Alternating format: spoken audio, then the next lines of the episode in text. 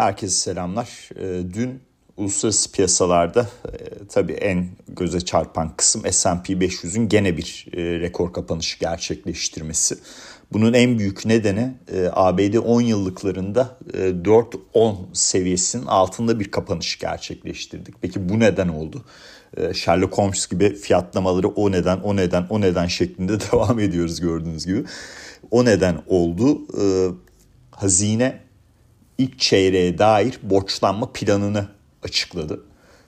760 ee, milyar dolarlık bir borçlanma gerçekleştirecek. Bu rakam Ekim 2023'te 2024 ilk çeyreği için beklediği rakamın 55 milyar dolar altında. Şimdi bunu e, dün aslında yaptığım paylaşımda işte TDI beklentileri ve muhteşem yedili bilanço takviminde küçük bir not olarak paylaşmıştım. Yani bu e, getirilerin gerileme noktasında istihdam piyasasından alacağımız verilere ek olarak beklentilerim dahilinde tabii ek olarak hazinenin çarşamba günü açıklanması beklenen. Niye çarşamba? Çünkü ayın e, son günü olduğu için çarşamba yazmıştım. Beklediğimden daha erken açıkladılar. E, borçlanmanın e, piyasa tahminlerinin daha yüksek olması yönlü durumundan daha farklı bir ve daha aşağı yönlü bir gerçekleşmeyle sonuçlanabileceğini belirtmiştim. Uzun cümlenin ve anlaşılmaz cümlenin özeti şu. Piyasa daha yüksek bir borçlanma bekliyordu ama bu gerçekleşmedi. Neden? E, çünkü her hafta pazartesi günü bu net likidite endeksini hesaplarken TGA diye bir şey paylaşıyorum. T, TGA hesabı diyelim. Burada da e, hazinenin hazinenin nakit pozisyon miktarı gözüküyor. Bu yani en son paylaşımda 815 milyar dolara kadar yükselmişti. Bu hafta işte dün yaptığım paylaşımda. E, dolayısıyla güçlü bir nakit pozisyonla tabii geçmişte çok daha güçlü olduğu nakit pozisyonlar var ama şu an için e, görece iyi bir e, rakamla yeni yıla başladı. E, dolayısıyla borçlanma noktasında çok agresif davranmasına da pek neden yok gibiydi. Benim kendi yaptığım e, muhasebede öyle söyleyeyim. E, ve bu durumda gerçekleşti. Bu haberle beraber birdenbire zaten 10 yıllıklarda geri çekilme gördük. Endeks çok hızlı bir şekilde yükseldi ve rekor bir kapanış gerçekleştirdi.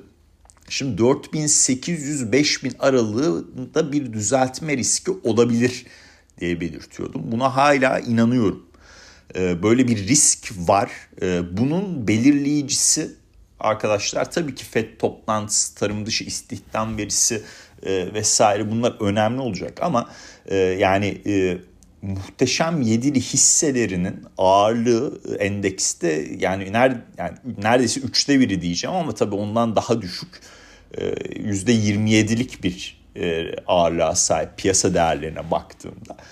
E, şimdi bunlardan 5'i bu hafta bilanço açıklayacak. Biri zaten geçen hafta paramparça gitti.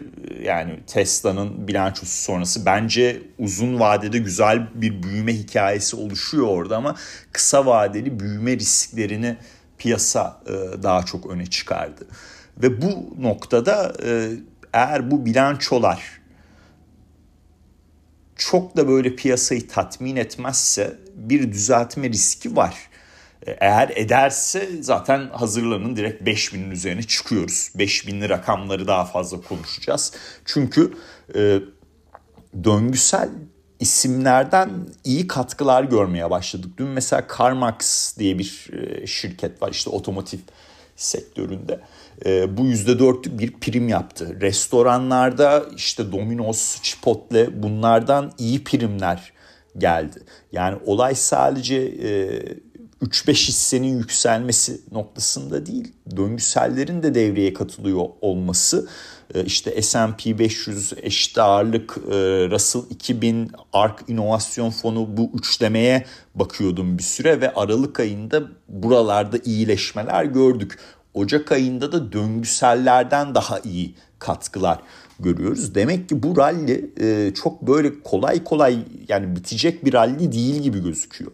Ama bir düzeltme riski var. Bu tamamıyla bilanço bazlı bir e, neden ve olabilir e, ve yani e, muhteşem yedilinin endeks üzerindeki ağırlığı nedeniyle olabilir. Ee, hani Nasdaq 100 endeksine baktığımda da son zamanlarda bu RSI ile e, bir uyuşmazlık içinde gibi görülüyor. RSI yeni tepe yapmazken endeks yükselmeye devam ediyor.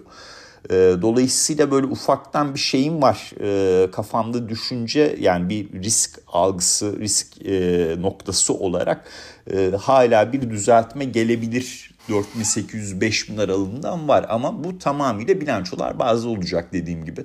Yani Apple mesela açıkladı ve %10 ya %10 prim yapmaz %5 yükseldi diyelim.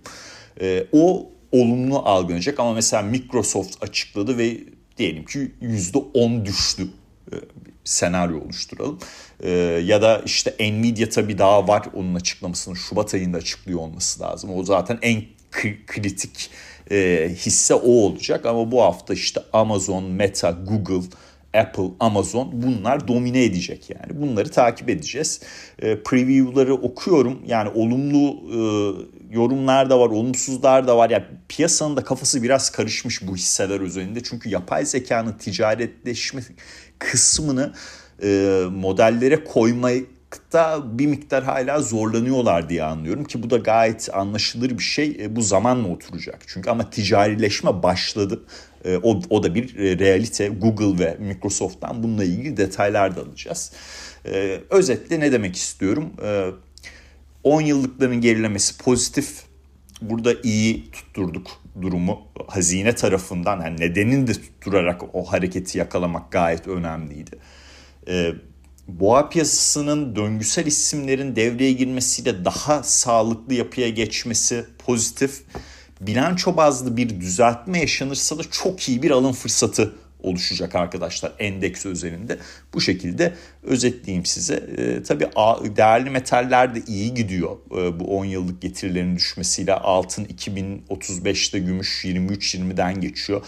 Petrolde jeopolitik riskler nedeniyle yükselişten sonra dün bir satış baskısı yaşandı. Yüzde bir buçuk aşağıda kapanış yaşandı ee, ve 200 günlük hareketli ortalamasının aşağısındaydı bu kapanış.